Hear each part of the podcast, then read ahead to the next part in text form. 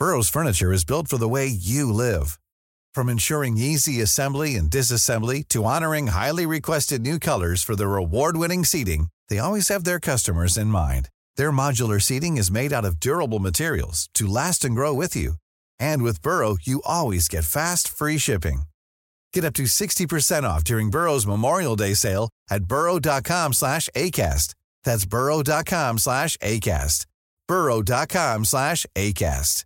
Hey, it's Ryan Reynolds, and I'm here with Keith, co star of my upcoming film, If, only in theaters, May 17th. Do you want to tell people the big news?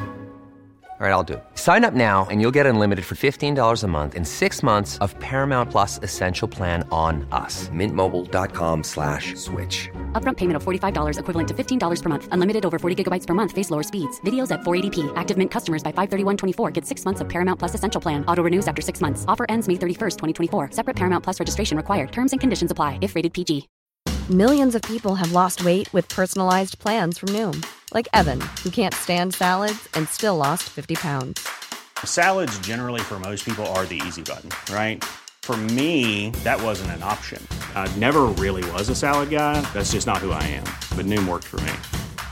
Get your personalized plan today at Noom.com. Real Noom user compensated to provide their story. In four weeks, the typical Noom user can expect to lose one to two pounds per week. Individual results may vary.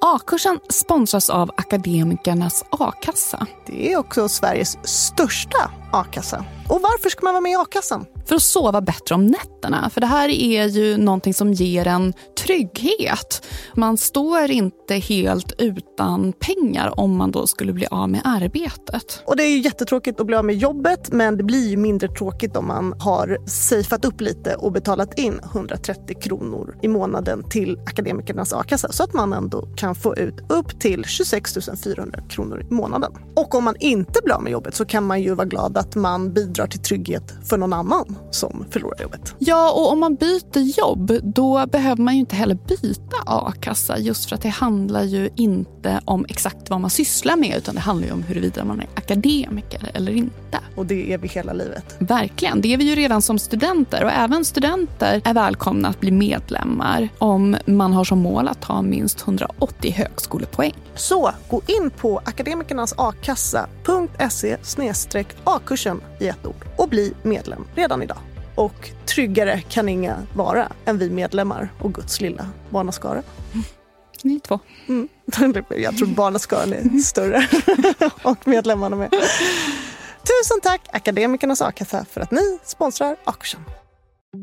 A-kursen sponsras av TCO, Tjänstemännens centralorganisation. Föräldraförsäkringen fyller 50 år i år. Hipp hipp hurra! Hurra för dem! Eller hurra för oss! Ja, gud ja. Vi är ett rätt stort gäng som har kunnat njuta av denna föräldraförsäkring som när den kom till kallades för ett vansinnigt förslag av motståndarna. Men den revolutionerade synen på jämställt föräldraskap och utvecklingen mot en mer jämställd fördelning av föräldrapenninguttaget har gått framåt.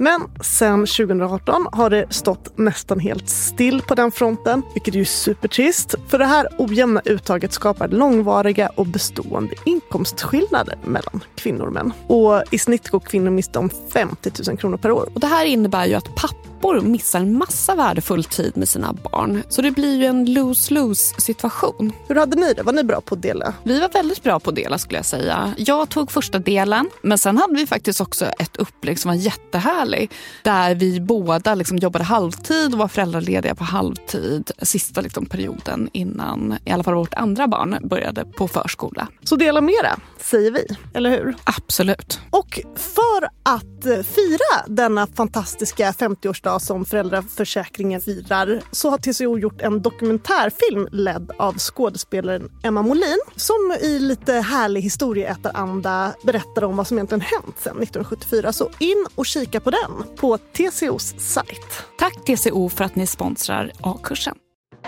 Det här är överkursen i självhjälpslitteratur. Det vill säga hela Emmas intervju med Carl Cederström som är docent i företagsekonomi vid Stockholms universitet.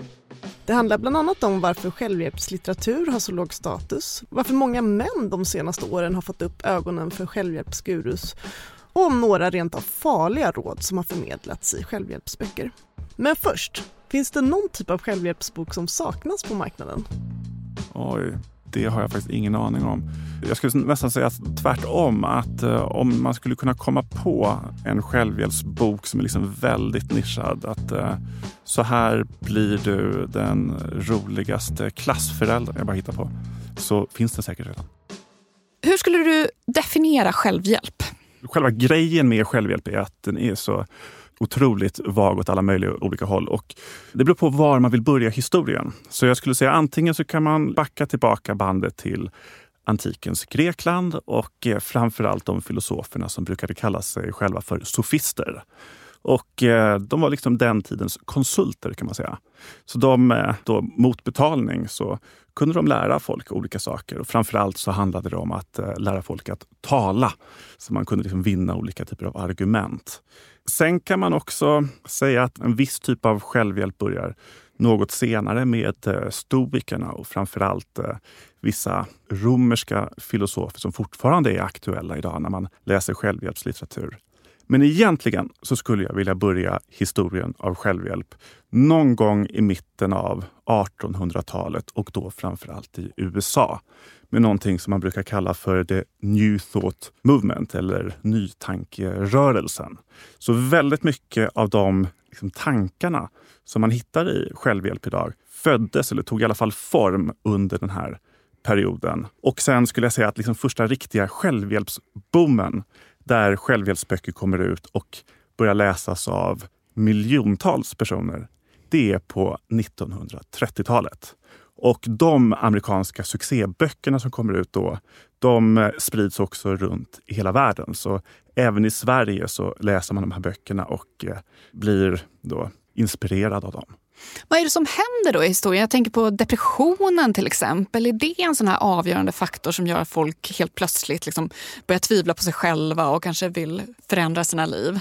Ja, men det finns ju ett individualistiskt perspektiv väldigt ofta i den här typen av självhjälpslitteratur. Och det gör ju också att de passar väldigt bra i tider där man tänker att jag kan inte förlita mig på någon annan. Det finns inga statliga institutioner som kommer lösa mina problem. Och då blir ju den här tankemodellen att du faktiskt kan ta ägarskap över ditt eget liv och förändra det i precis den riktningen som du vill. Den tanken blir ju väldigt populär. Den liksom funkar. Om ingen annan ska hjälpa mig så kanske jag ska försöka se vad jag själv kan göra. Men hur skulle du säga då att självhjälpen har förändrats över tid från då de gamla grekerna och det de höll på med? Ja, alltså den går igenom väldigt många olika faser och det man kan säga om självhjälp är ju att det är ju liksom råd som man vill ge till människor, ofta praktiska råd. Så råden är ju alla typer av råd som människor liksom behöver hjälp med liksom just där och då. Men det som framförallt har varit kännetecknande, jag skulle säga då från mitten av 1800-talet fram till idag, det är att det antingen handlar om råd som kan göra dig mer framgångsrik eller mer förmögen. Eller så handlar det om råd som ska kunna bota sjukdomar eller kunna ge dig ett mer hälsosamt liv. Och sen så finns det också en typ av eh, självhjälp som handlar mer kanske om det esoteriska, det andliga och om relationer. Ofta handlar ju självhjälpen om att bli liksom en bättre person. Och Hur skulle du säga att synen på det liksom optimala jaget har förändrats över tid? Det beror ju helt och hållet på hur det samhället ser ut och vilken typ av person som just det samhället eh, idealiserar. Så på sätt och vis så kan man ju tänka att självhjälpen också växer fram sida vid sida med kapitalismen som i sig är liksom väldigt tänjbar. Så den ideala människan är aldrig liksom huggen i sten, utan det handlar om att hela tiden kunna liksom förändra sig själv och bli den här, som man ofta brukar säga, då, den bästa versionen av dig själv. Men eh, ironin, eller en av många liksom, ironier i självhjälpen är att man ofta pratar om att du ska hitta ditt inre jag, du ska hitta din autentiska kärna och så vidare. Men den autentiska kärnan är ju alltid såklart beroende på vilken typ av tid vi lever i, där en viss typ av idealmänniska är liksom mer framträdande än en annan.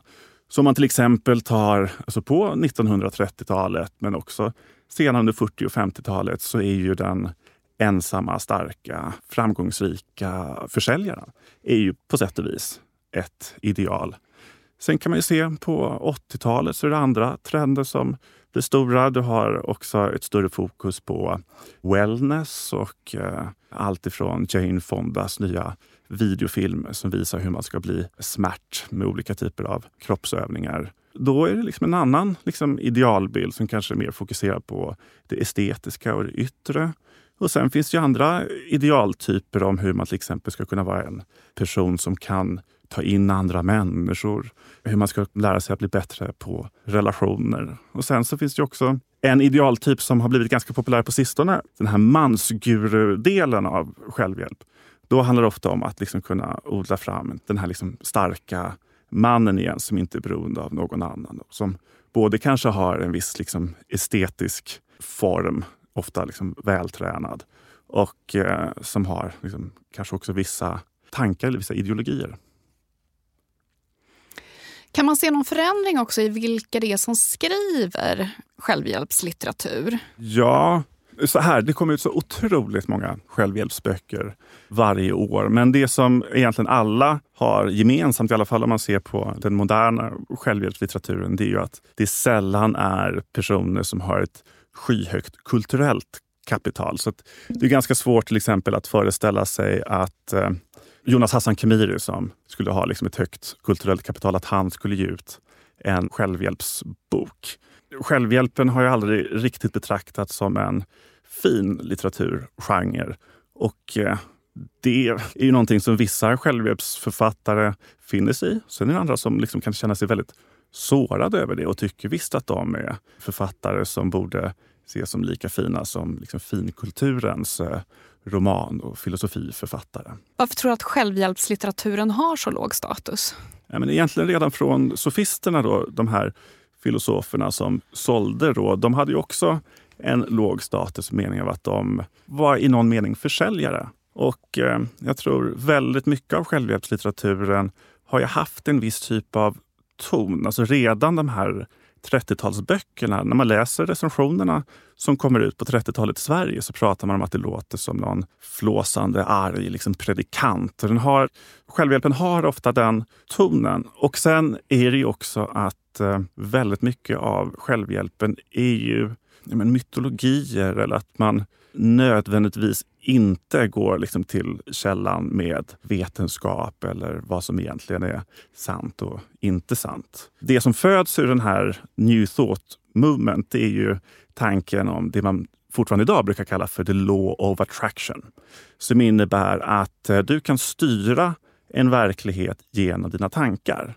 Och det här var någonting som blev populärt redan på 1800-talet och sen så blev det jättestort med en bok som kom i slutet av 30-talet som heter Think and Grow Rich. Och ännu större skulle jag säga att det blev på 50-talet med en bok av Norman Vincent Peale som hette The Power of Positive Thinking. Och i den boken så står det alltså rakt upp och ner att utgå från hur en situation ser ut och sen så ligger du till 10% eller 20 så det här var någonting som var intressant när Trump blev president. För att många anklagade honom för att han hela tiden ljög och tidningar blev ju helt förtvivlade och började lista, här är Trumps alla lögner.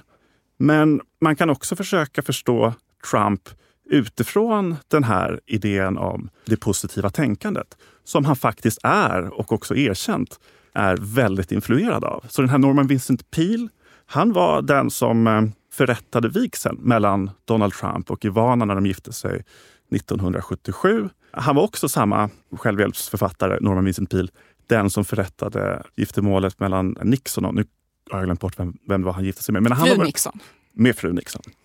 Och, eh, så han har varit en person som har varit väldigt nära den liksom amerikanska politiken och det som han då predikar, det är att det viktiga är inte verkligheten, utan det är vår attityd. Attityden är alltid viktigare än verkligheten. Så Trump ljuger inte, utan han skapar sin egen verklighet? Precis, och det har också sin egen etik. Så etiken är inte nödvändigtvis att det är fel att ljuga. Etiken är att det viktiga är inte vad som är sant, utan det du vill ska vara sant. Så det handlar om att du ska påverka världen runt omkring dig. Men framförallt liksom kunna påverka dig själv. Och eh, det här är ju en tanke som är väldigt vanlig, kanske framförallt i vissa liksom, högerpolitiska läger. Att man tänker att eh, fattiga personer, de är fattiga av ett val. Och det har också Donald Trump själv sagt i en intervju i magasinet Playboy. 1980 så fick han frågan, vad hade du gjort om du hade fötts in i en familj som var gruvarbetare? Och då säger han, hade jag gjort det så hade jag omedelbart tagit mig därifrån. Så där finns en tanke som egentligen är den motsatta tanken än den som man har inom sociologi. Att en människas liv är i väldigt hög grad styrd eller präglad av vilken typ av miljö som du växer upp i, vilken typ av skola du går i, vilka föräldrar du har, hur din omgivning formar dig. Utan den här tanken som då framförallt jag skulle säga, kulminerar med Norman Vincent Peale, det är att ingenting av det där spelar egentligen någon roll. Det finns inga omständigheter i en människas liv som kan sägas determinera eller ens i särskilt hög grad påverka en person, utan allting sitter liksom i din egen tanke. Och de här tankarna som Norman Vincent Peale utvecklade på 50-talet, de finns ju fortfarande kvar idag och eh, fick ju en andra liksom kulmen eller renässans för, nu kommer jag inte ihåg, det 2008 kanske, som den här The Secret kom. Och det var från början en eh, DVD som släpptes av en australiensisk kvinna vid namn Rhonda Byrne. Och det blev en jättesuccé och sen kom också en bok. Och eh, där intervjuar hon ett eh, stort antal personer med lite olika titlar. Och eh, de säger egentligen mer eller mindre samma sak. Alltså, det handlar om the law of attraction, alltså den här idén som föddes redan på 1800-talet. Vilket också intressant nog inte alls står i en sådan bok. Istället så nämner de personer som Platon och Napoleon och så säger de vad var det som gjorde dem, eller Shakespeare, vad var det som gjorde dem så framgångsrika? Det alla de hade gemensamt, står det då liksom i början av den här boken, det var att de hade förstått eller upptäckt den här hemligheten. Och hemligheten var the law of attraction. Att man måste liksom tänka på ett särskilt sätt och genom de tankarna så bringar man då verkliga saker till liv. Och det här är ju en tanke som vissa personer har kritiserat väldigt starkt. En av dem är en författare som heter Barbara Ehrenreich. Hon skrev en bok eh, som heter Smile or Die. På svenska heter den Gilla läget. Och boken börjar med att hon blir diagnostiserad med bröstcancer. Och hon inser ganska snart att hon har inte bara en sjukdom, bröstcancer. Hon har även en annan sjukdom, nämligen en dålig attityd. För det som händer när hon blir diagnostiserad är att hon börjar märka att personer eh, runt omkring henne säger att för att du ska bli frisk så måste du tänka positivt.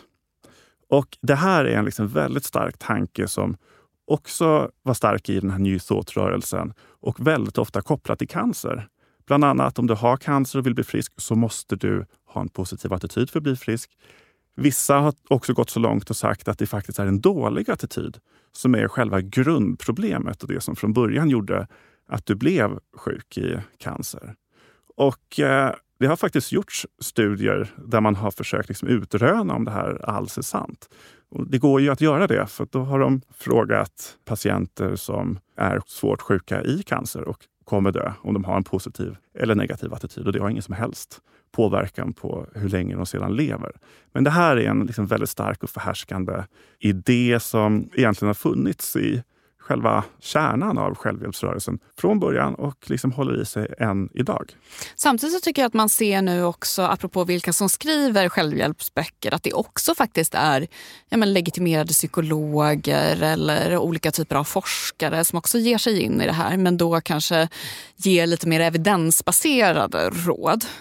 Ja, det är möjligt att det är så. Och eh, det är ju en lukrativ bransch också. Så man, det finns ju mycket pengar att tjäna i att skriva den här typen av litteratur. Men även om det finns eh, många forskare som skriver självhjälpsböcker så tror jag att eh, det är viktigt att komma ihåg att den här genren, om det är någonting som verkligen kännetecknar den så är det att den har ett minst sagt liberalt förhållande till vetenskap och eh, studier. Och det är en sån sak man också kan roa sig med. Man kan bara titta på liksom senaste typen av lyckostudier så hittar man att de som är Lyckligare är de som dricker. De som är olyckligare är de som dricker. De som är lyckligare är de som är gifta. De som är lyckligare är de som inte är gifta. Och så fortsätter det sådär. Så att eh, man kan ju konstruera studier så att du får mer eller mindre vilket resultat du vill kring många av de här frågorna som är i hjärtat av självhjälp. Och då tänker jag framför allt på frågor som lycka. Och just lycka är ju ett av de absolut mest eh, spretiga begrepp man kan tänka sig. Och eh, om man tittar på lycka som begreppshistoria så har den genomgått eh, en oändlig massa förvandlingar. Och eh, om man tittar till exempel på vad lycka betydde under antikens Grekland så var det någonting som en människa aldrig liksom i sin helhet kunde erfara, utan det var någonting som var reserverat uteslutande för gudarna. Att tro att man kunde vara en fullständigt lycklig person, det var egentligen en blasfemisk tanke eftersom eh, det fanns liksom gränser för liksom hur långt eller hur nära gudarna en människa kunde komma. Så lycka var egentligen uteslutande för gudarna alltså i den här liksom koncentrerade formen. Och sen om man följer begreppet så liksom under hela medeltiden så är lycka någonting som egentligen bara existerar efter jordelivet. Och eh, under renässansen så börjar lyckobegreppet långsamt liksom röra sig mot eh, liksom någon slags mänsklig erfarenhet. Men det är först under upplysningen som man börjar tänka att det här med lycka, det är någonting som en människa faktiskt eh, inte bara kan erfara utan också bör eftersträva. Och Det som är intressant just med den punkten i historien när lycka inte bara är någonting som en människa kan få utan någonting som människan bör eftersträva, det är att man då för första gången också kan liksom bli olycklig eller känna sig misslyckad för att man inte är lycklig. Så att då flyttar den typen av lycka och att liksom göra ditt liv lyckligt och erfara lycka till ett eh, imperativ, ett påbud. Det är liksom ett moraliskt påbud som man skulle försöka uppnå. Och eh, det är en liksom, ny era, skulle man kunna säga, när lycka får den definitionen. Och så är det ju fortfarande i väldigt hög grad idag. Att eh, vi föds och det vi ska göra med våra liv, det är att vi ska försöka bli lyckliga. Och det finns ju väldigt få personer som inte håller med om det. Men när man börjar nysta i det där så ser man ju också att det som anses vara lycka eller ett lyckligt liv skiljer sig ju enormt mycket både mellan kulturer och eh, liksom genom åren och generationer. Jag har hört en annan förklaring till varför självhjälp har låg status. Det är för att det tidigare i alla fall, nu pratade vi lite om att det här har blivit väldigt populärt bland män, men att det har varit en kvinnlig kodad typ av litteratur. Absolut, men det har ju inte handlat om att det har varit kvinnliga författare, utan det har ju varit att det har varit en kvinnlig publik. Just det. Så jag tror om du tar en lista på de mest bästsäljande självhjälpsböckerna genom åren så har det ju varit en väldigt hög koncentration av män. Sen den typ av självhjälpslitteratur som kanske framförallt har konsumerats av kvinnor har varit den som också kanske gränsat mot det andliga. Så en person som eh, Paolo Coelho till exempel, Alkemisten. Även om vissa kanske skulle vilja betrakta det som en roman så är ju den väldigt ofta omnämnd som en av de här största liksom, framgångssagorna inom självhjälpslitteraturen.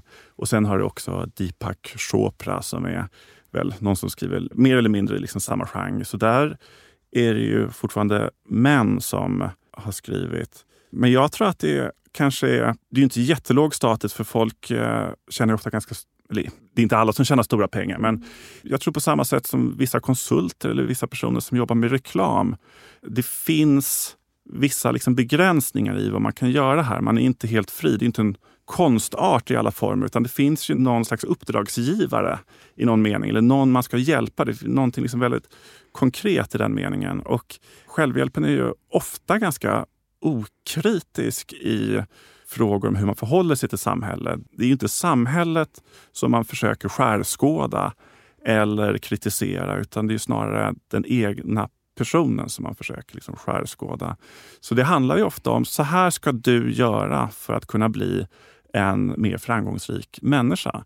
Det är ju inte så att de brukar nysta eller kritisera vad liksom själva framgångsbegreppet betyder. Eller det är ju sällan du hör några djupgående kritiska skildringar av det kapitalistiska systemet, utan det är ju en väldigt direkt och eh, det ska ju vara enkelt. Alltså, det ska inte vara ett liksom tuggmotstånd. Det är ju inte Dostojevskij eller Freud eller någonting sånt. Det är ju ingenting som ska liksom sätta griller i huvudet på dig så att du blir liksom mer analytisk, utan det är ju någonting som ska göra saker tydliga och enkla som du sen kan följa.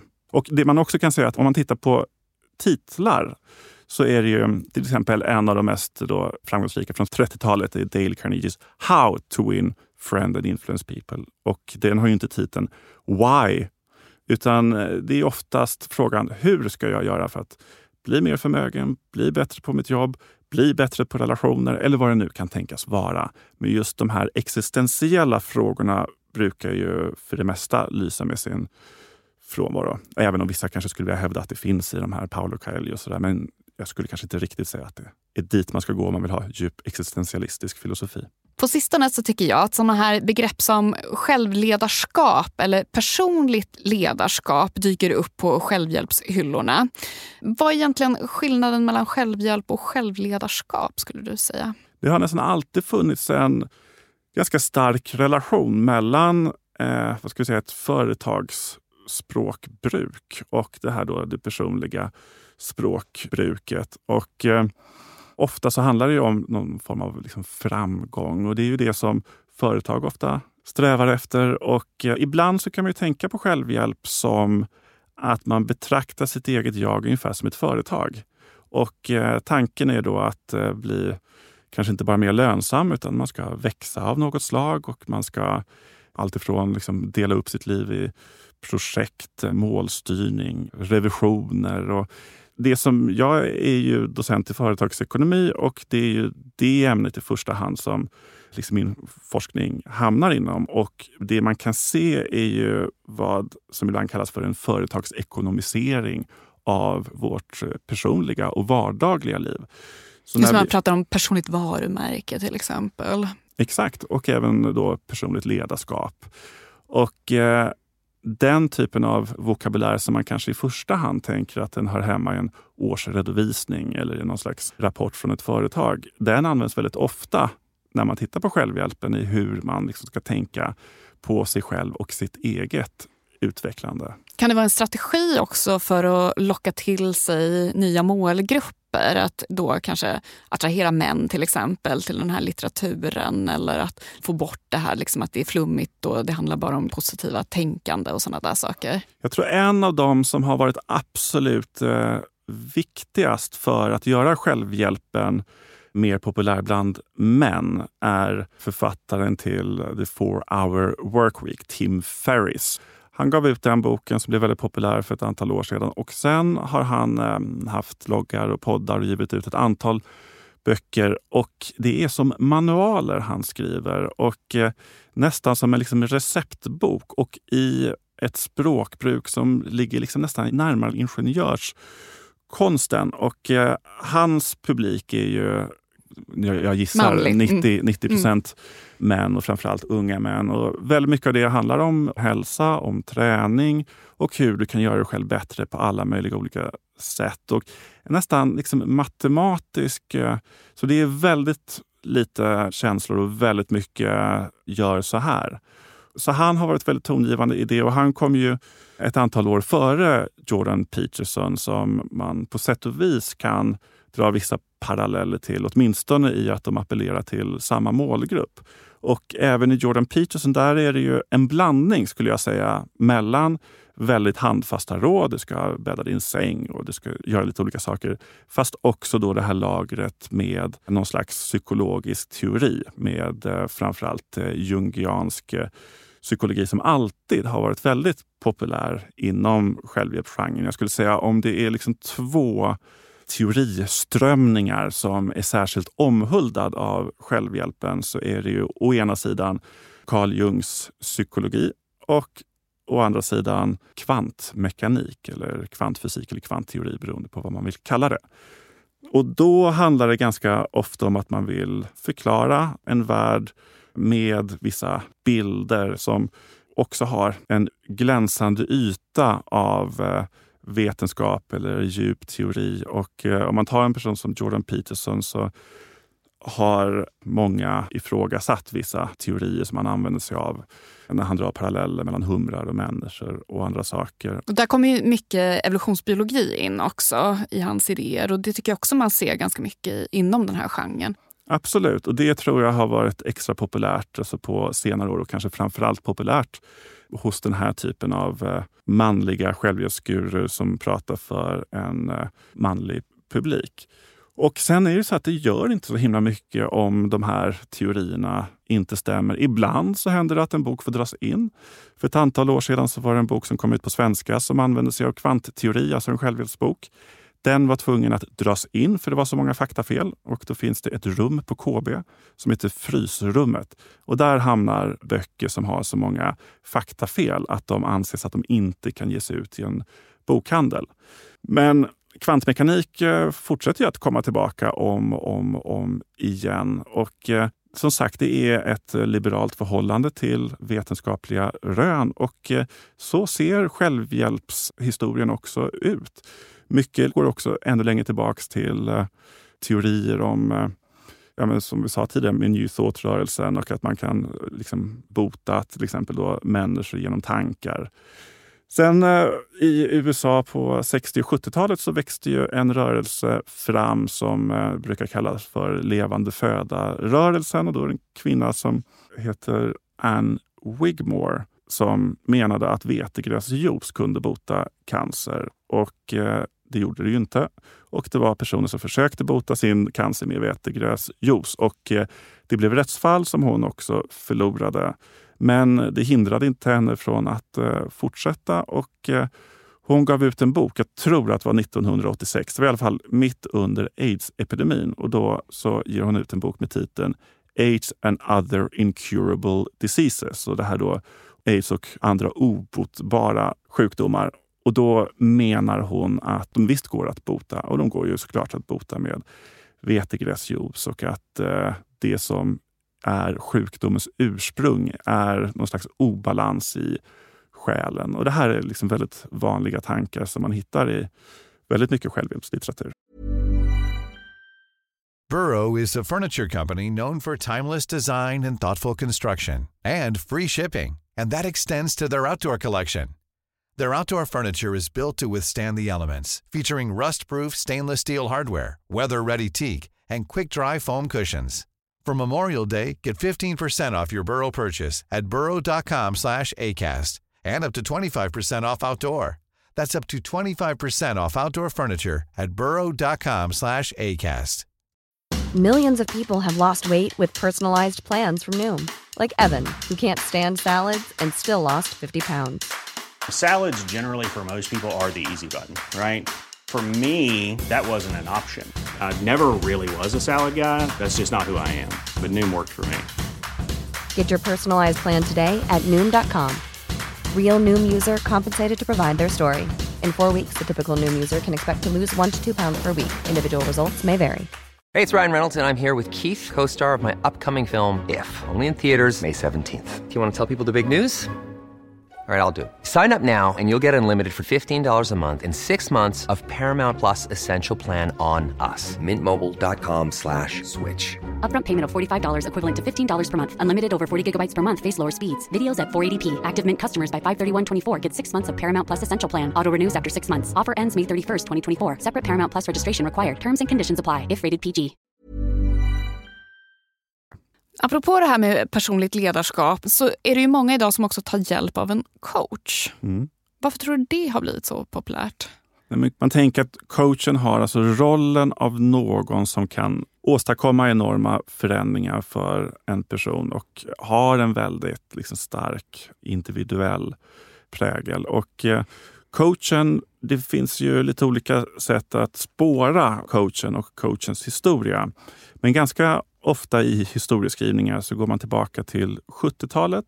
Det var ett veckolångt seminarium dit folk åkte för personlig utveckling. Ett personlig utvecklingsseminarium. Och det här startades av en person som inte hette, men hade hittat på namnet till sig själv, Werner Erhard. Och seminariet eh, kallades för Erhard Seminar Training och det var 700 000 amerikaner som åkte på den här kursen mellan 1971 och 1984. Och eh, det man gjorde var att man ofta åkte till väldigt stora hotellokaler och så var man där tillsammans med hundratals andra personer och det man fick lära sig det var att det finns ingenting annat utom individens egna ansvar och det finns inga offer som var ett liksom väldigt viktigt återkommande mantra för de här kurserna. Och eh, Det gick också så långt och ett uppmärksammat fall var att en person som var med i det här hade förlorat sina föräldrar i eh, koncentrationsläger under andra världskriget. Och även där så stod då Werner Erhard på sig och sa nej men de är inga offer. De hade i någon mening då sig själv att skylla. Så det finns ingenting som någonsin händer dig som inte du själv bär ansvaret för. Så om du är på väg hem blir rånad så är det också du som bär ansvaret för det. Så det är liksom en väldigt radikal idé och vision av att allt som händer och sker i ditt liv är ditt eget ansvar. Och eh, när liksom coachen föds så har den ju då, till skillnad från andra psykologer, dels en mycket mer ekonomisk... Eh, alltså det finns en inriktning på att du ska lyckas i ditt arbetsliv eller du ska lyckas ekonomiskt. Och eh, det andra är att det är det personliga ansvaret som står i centrum och att det absolut inte finns några offer. Sen har ju såklart rollen av coacher spridits och det finns coacher av alla möjliga olika slag idag. Men det finns fortfarande en tanke att eh, coacher ska till exempel lösa vissa politiska problem. Det har funnits diskussioner i USA att man ska lösa problemet med fattigdom genom att låta fattiga personer träffa en då personlig coach som ska hjälpa dem ur det. Det finns en amerikansk-israelisk sociolog som heter Ofer Sharon som har gjort intressanta studier på arbetslösa personer som då går och, eh, i olika typer av träning och träffar coacher. Och, eh, han berättar då i de här studierna att de arbetssökande de förbjuds att använda ordet arbetslös för att det skulle förråda en negativ attityd och uppmanas också att inte läsa nyhetstidningar eller ta del av några nyheter alls eftersom det också skulle kunna göra dem mer negativa än nödvändigt. Det låter ju lite som law of attraction, att det är just här att man ska tänka positiva tankar och inte fastna i liksom det negativa för då kommer det hända massa skit. Absolut, och det som den här sociologen Sharon beskriver det här som, han beskriver det som en depoliticization, alltså en avpolitisering av arbetslöshet.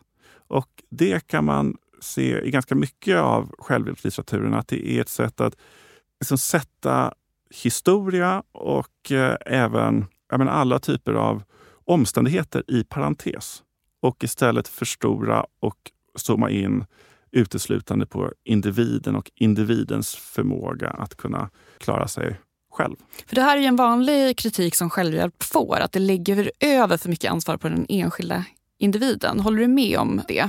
Ja, absolut. Och sen är det svårt att hålla enskilda författare ansvariga för det här, utan frågan är ju en större politisk fråga och jag tycker att en eh, författare som försöker ge råd till en person hur de kan liksom lösa sina problem är inte boven i dramat, utan boven är ju ett samhälle som sätter sin tilltro till att det här är liksom ett substitut för politiska och sociala lösningar.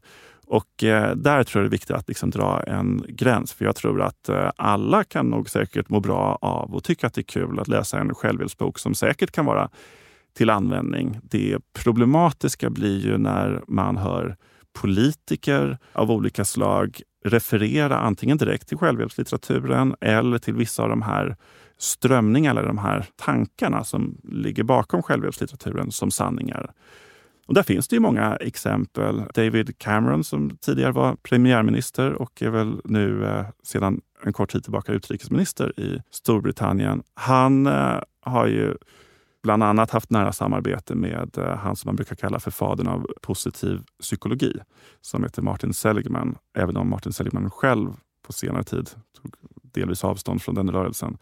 Och eh, David Cameron var den första att eh, introducera i Storbritannien det man kallar för ett liksom, lyckoindex. Att man då skulle fråga personer hur lyckliga de var. Och en stor del i den där retoriken handlade om att eh, man valde sin egen lycka. Och det blev ett sätt att ta fokus bort från sociala och politiska frågor och istället eh, ägna liksom större uppmärksamhet åt individen. Och det tror jag är mer problematiskt än att författare av olika slag försöker skriva böcker med goda råd.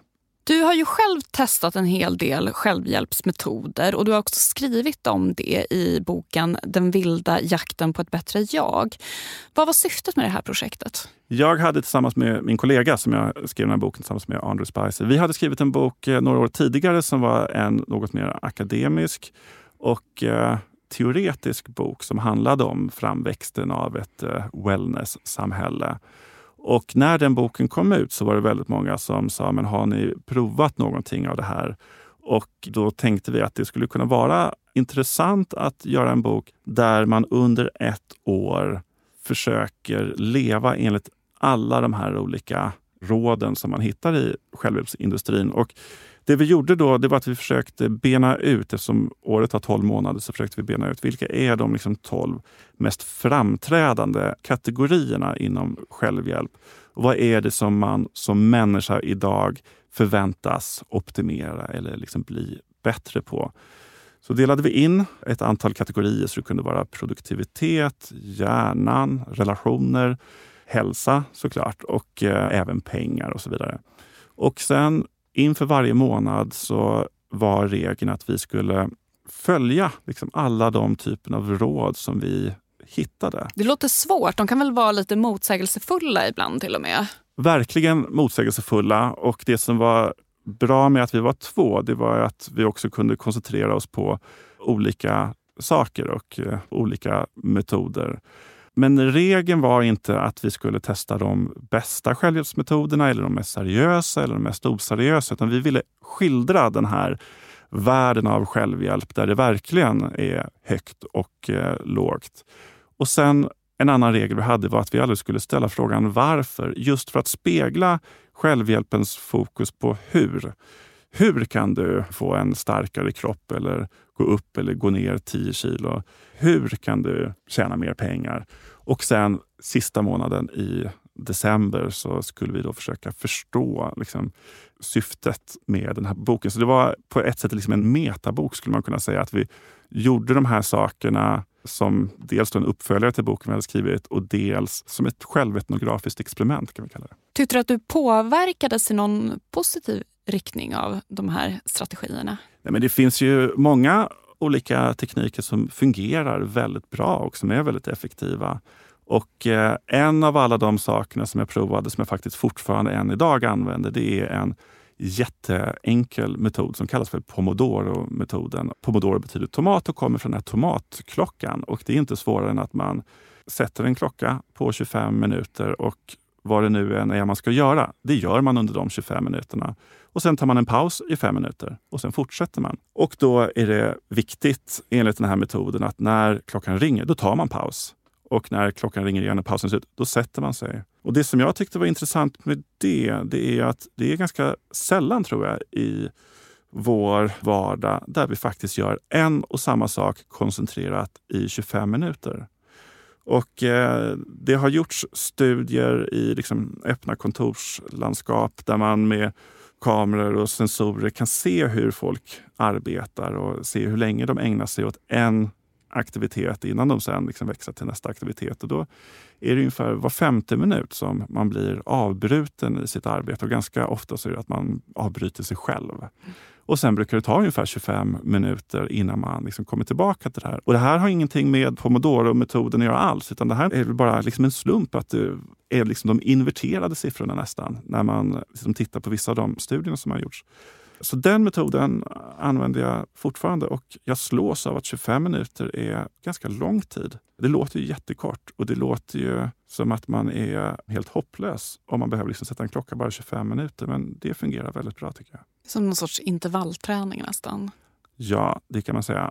Och också att de här fem minuterna gör att man håller lite längre. Så även ibland när jag läser så är det ganska skönt om man liksom läser 25 minuter och så kanske man bara reser sig och vattna några blommor eller klia sig i huvudet. Man får inte svara på mejl de där fem minuterna? Man får säkert göra vad man vill, men tanken är ju att du inte ska försvinna iväg i andra saker. Utan att du bara ska få liksom ta lite luft och rensa skallen lite för att sen fortsätta med det du håller på med.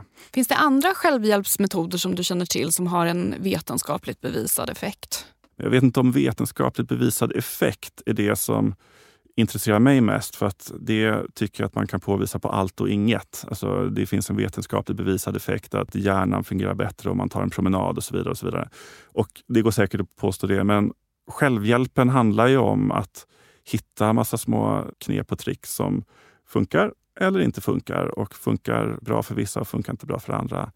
Men en metod som jag tycker är nästan magisk är ju de här minnesteknikerna som existerar. Så under en av de här månaderna när vi skulle optimera hjärnan, Andre, min medförfattare, höll på att skjuta in laser och andra saker i hjärnan. Jag förstod aldrig riktigt vad det handlade om. Men jag lärde mig de här olika minnesteknikerna. Jag fick också hjälp av en av Sveriges främsta liksom, minneskonstnärer som gav mig lite tips. Och eh, Det gjorde att jag på den månaden faktiskt lärde mig att memorera 1000 decimaler i pi. Och eh, Det låter ju som att det är helt omöjligt att göra en sån sak. Men jag tror att det som är, är omöjligt är väl att liksom sätta en halv månad eller liksom två eller tre veckor åt sidan bara för att göra det. Det är nog egentligen en svåra sak. Jag tror att de flesta personer som hade den tiden och liksom verkligen la ner det skulle klara det. Men de eh, metoderna var ju otroligt effektiva. Upplevde du någon negativ påverkan av det här projektet? Ja, det gjorde jag väl i många... Alltså det var ju ett projekt som var väldigt... Det fanns ju liksom en besatthet liksom av många av de här olika sakerna. Men eh, sen utsatte jag ju mig själv för väldigt många olika typer av, liksom, inte minst fysiska ansträngningar. Allt ifrån att eh, vattenfasta under liksom, en veckas tid till eh, ja, men det absolut värsta jag gjorde, som är bland det värsta jag varit med om i hela mitt liv. Det var att jag tackade ja till att vara med i en intervju i fransk radio när jag inte alls kunde franska och hade en månad på mig att lära mig det. Och eh, jag började gråta bara jag tänker på det.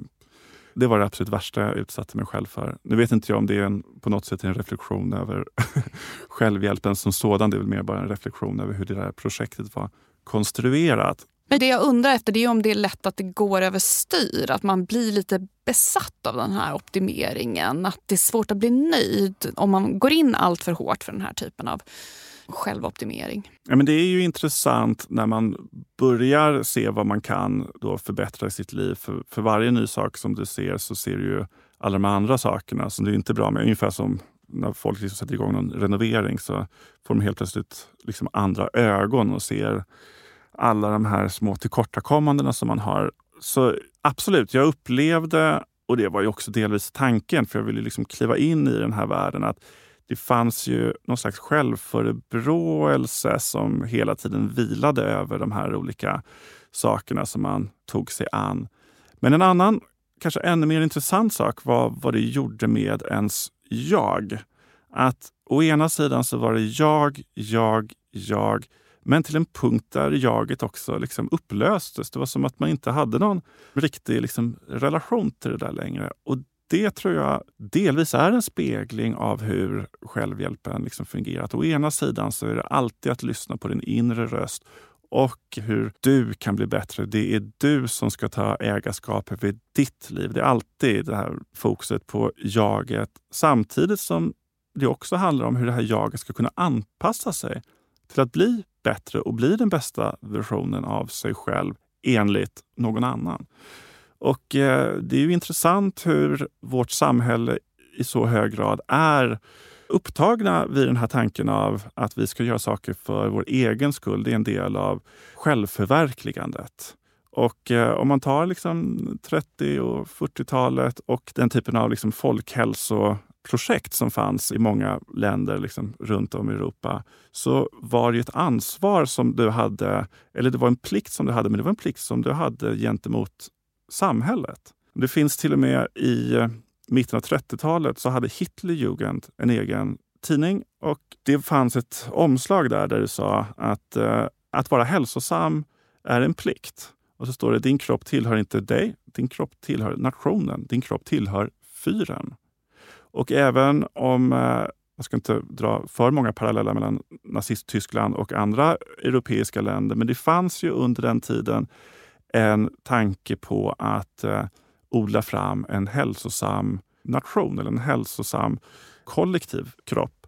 Och eh, om man skulle ställa sig samma fråga idag, om det är en plikt att vara hälsosam, så ja, det är en plikt att vara hälsosam, men det är inte en plikt som vi har gentemot någon annan. Möjligtvis då vår arbetsgivare. Men det är en plikt som vi har gentemot oss själva. Att vi ska vara hälsosamma för det är bra för oss.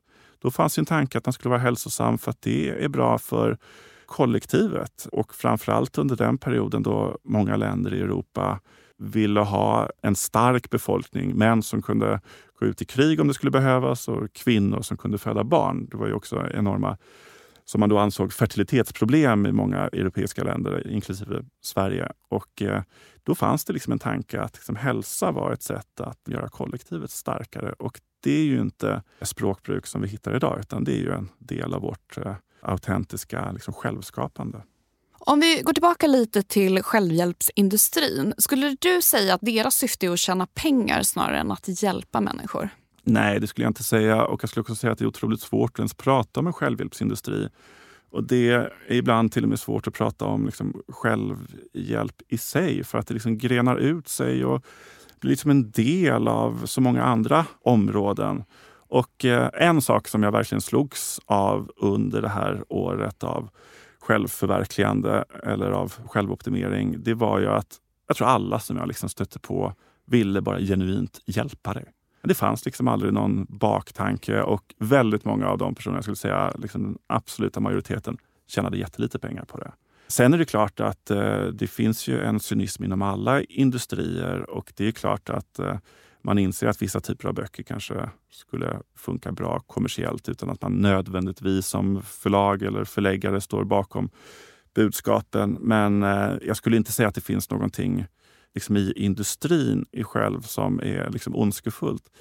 Däremot så kan man ju titta på vissa av Alltså, de som söker sig till självhjälp, eller det är ju såklart väldigt många, men det finns ju en grupp som är väldigt utsatta. Som till exempel är sjuka eller förtvivlade. Folk som kanske har kronisk smärta och försökt liksom alla möjliga olika behandlingar på sjukhus. Och eh, de är ju en grupp som är väldigt sårbar. Och där är det ju klart att det finns enstaka cyniska och eh, ja, kanske till och med direkt ondskefulla personer som skor sig på deras sårbarhet. Men till och med där så tror jag att det är i 9 fall av 10 eller 99 av 100 är personer som också själva tror det. Alltså till och med den här Anne Wigmore som då ordinerade vetegräsjuice för personer med cancer och aids. Hon trodde nog på det själv också. Hur knäppt det än liksom kan låta. Så nej, jag skulle inte säga att industrin är präglad av vad var det du sa? Jag menar, att syftet är att tjäna pengar. Att man vill egentligen göra gott. Ja, men jag tror det. För jag menar, även om själva industrin, om man pratar om det som alla som på något sätt tjänar pengar på det omsätter enormt mycket pengar så är det ju de flesta är ju ganska liksom små aktörer av olika slag.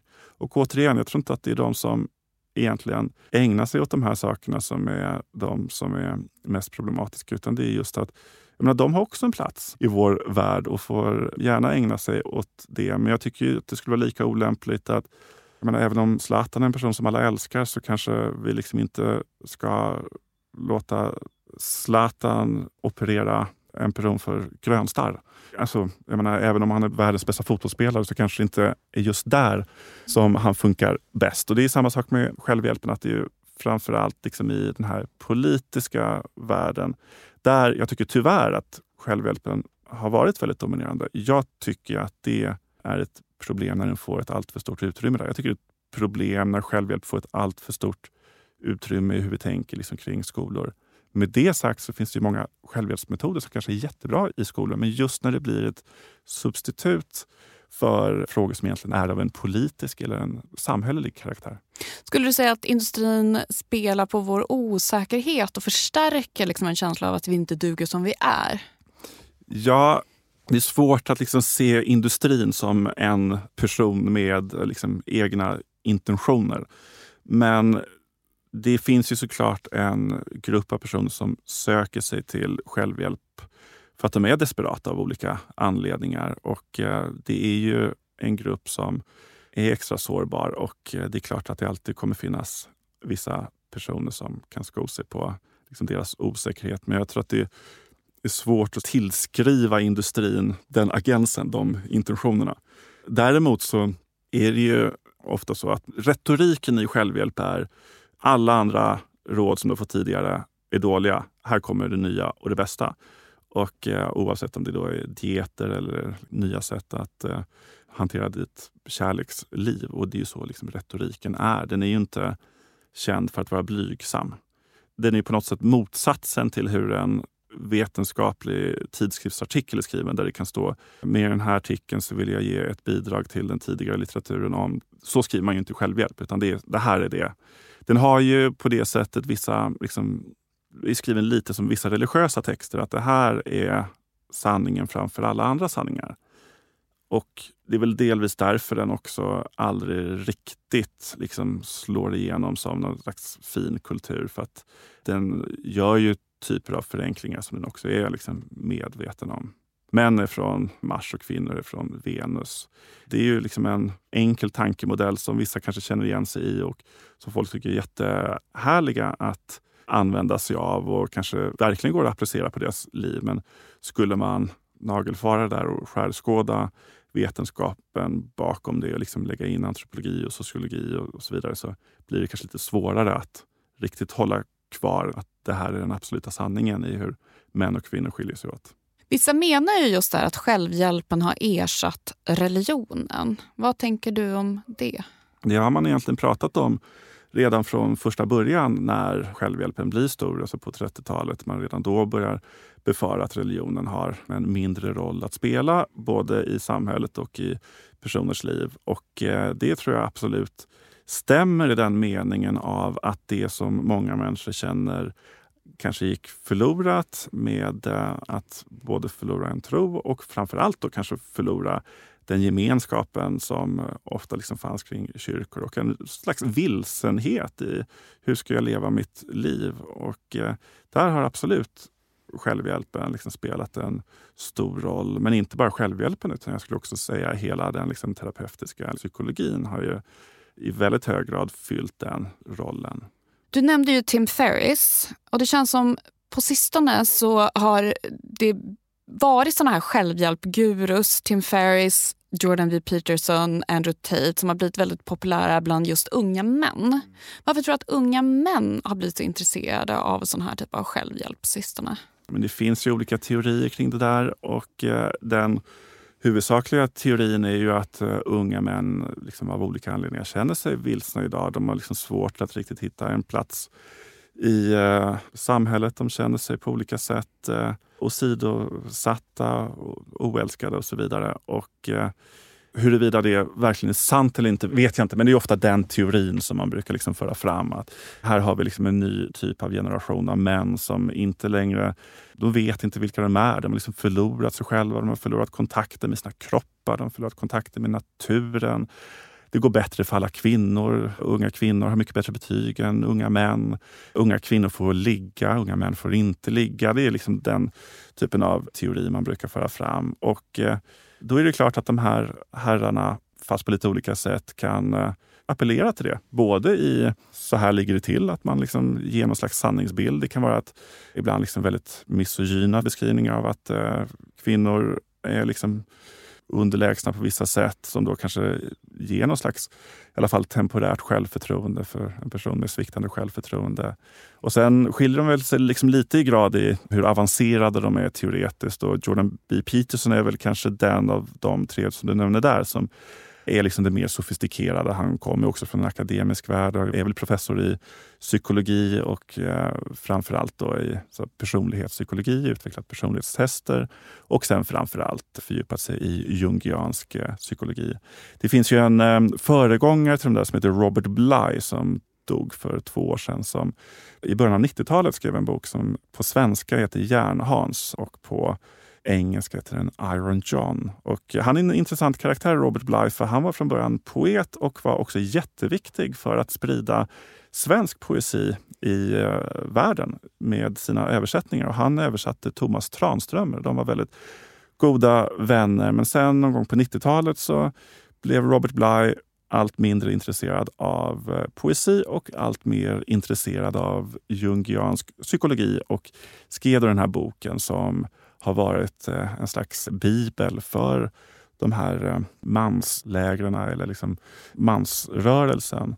Och eh, där skulle man kunna säga att Jordan B. Peterson hakar i att förklara på något vis liksom mannens roll i det moderna samhället eller brist på roll i det moderna samhället genom de här jungianska arketyperna. Alltså en person som Andrew Tate är väl få som skulle liksom ses som en tänkare av någon mer avancerad rang. Och eh, sen har vi då Tim Ferris som han är lite mer anspråkslös skulle jag säga. Att han försöker då liksom ge råd som funkar. Han är liksom intresserad av, finns det en skjorta som gör att jag inte får svettfläckar? Men han är ju en sån som har dragit igång de här alltså olika utmaningar då för män. Att de inte ska kolla på porr och onanera under en månad och det ska vara bra för deras liksom kreativa Aha, var det tänkande. han som satte igång det? Jag tror att det var han som satte igång det. Och det var ganska länge sedan. Men det har ju blivit än mer populärt nu har jag förstått. Skulle du säga att felaktiga livsråd kan vara skadligt? Ja, gud ja. Men jag menar, det är bara att ta Anne Wigmore som ordinerar vetegräsjuice om man har cancer. Det är å ena sidan ett extremt exempel, men jag tycker den typen av exempel existerar. Jag tycker också att det är fel att tänka att det är en personlig coach som ska lösa samhällets fattigdomsproblem. Vad skulle du säga är liksom den första boken inom självhjälpslitteratur? Eh, Jag tänker Mar vad heter han? Marcus Aurelius. Ja, det skulle absolut kunna vara Marcus Aurelius. Och det var väl kanske snarare en dagbok eller något sånt som han skrev. Det var väl inte meningen att det skulle ges ut? Nej, men sen, det glider ju ihop för väldigt mycket av den tidiga litteraturen, alltså den allra tidigaste litteraturen som sumerisk litteratur, är ju råd och då är det ofta en far som ger råd till en son. Det kan vara så här ska du leva ditt liv. Så om man tittar på liksom livsmanualer så är ju de faktiskt lika gamla som det var där litteraturen faktiskt föddes med den här typen av manualer. Och tittar man på Marcus Aurelius så är det ju också då råd som han skriver väl brev till sin son. Men man brukar ju prata om en eh, bok som kommer i England på 1800-talet av eh, heter Samuel Smile, tror jag, som heter Self-Help. Men den nämner man nog i första hand för att den har den titeln. Så jag skulle säga att den första riktigt bästsäljande självhjälpsboken är ändå Dale Carnegies How to Influence and influence people. Och eller, för de kommer väldigt nära varandra, Napoleon Hills Think and Grow Rich. Och båda de här böckerna kommer i slutet av 1930-talet, 1937, 1938. Och jag skulle säga att det är med de böckerna som självhjälpsrörelsen som vi känner idag föddes. Tack Carl Cederström för att du ville gästa vår podd och tack för att just du har lyssnat. För det mesta brukar överkursen vara det sista avsnittet för veckan men den här gången hade vi så himla mycket att säga så att det räcker till ett litet bonusavsnitt också och det kommer på lördag. Då bjuds det på våra, alltså Carl Cederströms, Emma Frans och mina, det vill säga Clara Wallins favoriter inom självhjälpsgenren. Och nästa vecka djupdyker vi i vetenskapen om träning. Prenumerera gärna på A-kursen i din poddapp och det här avsnittet har spelats in på Beppo.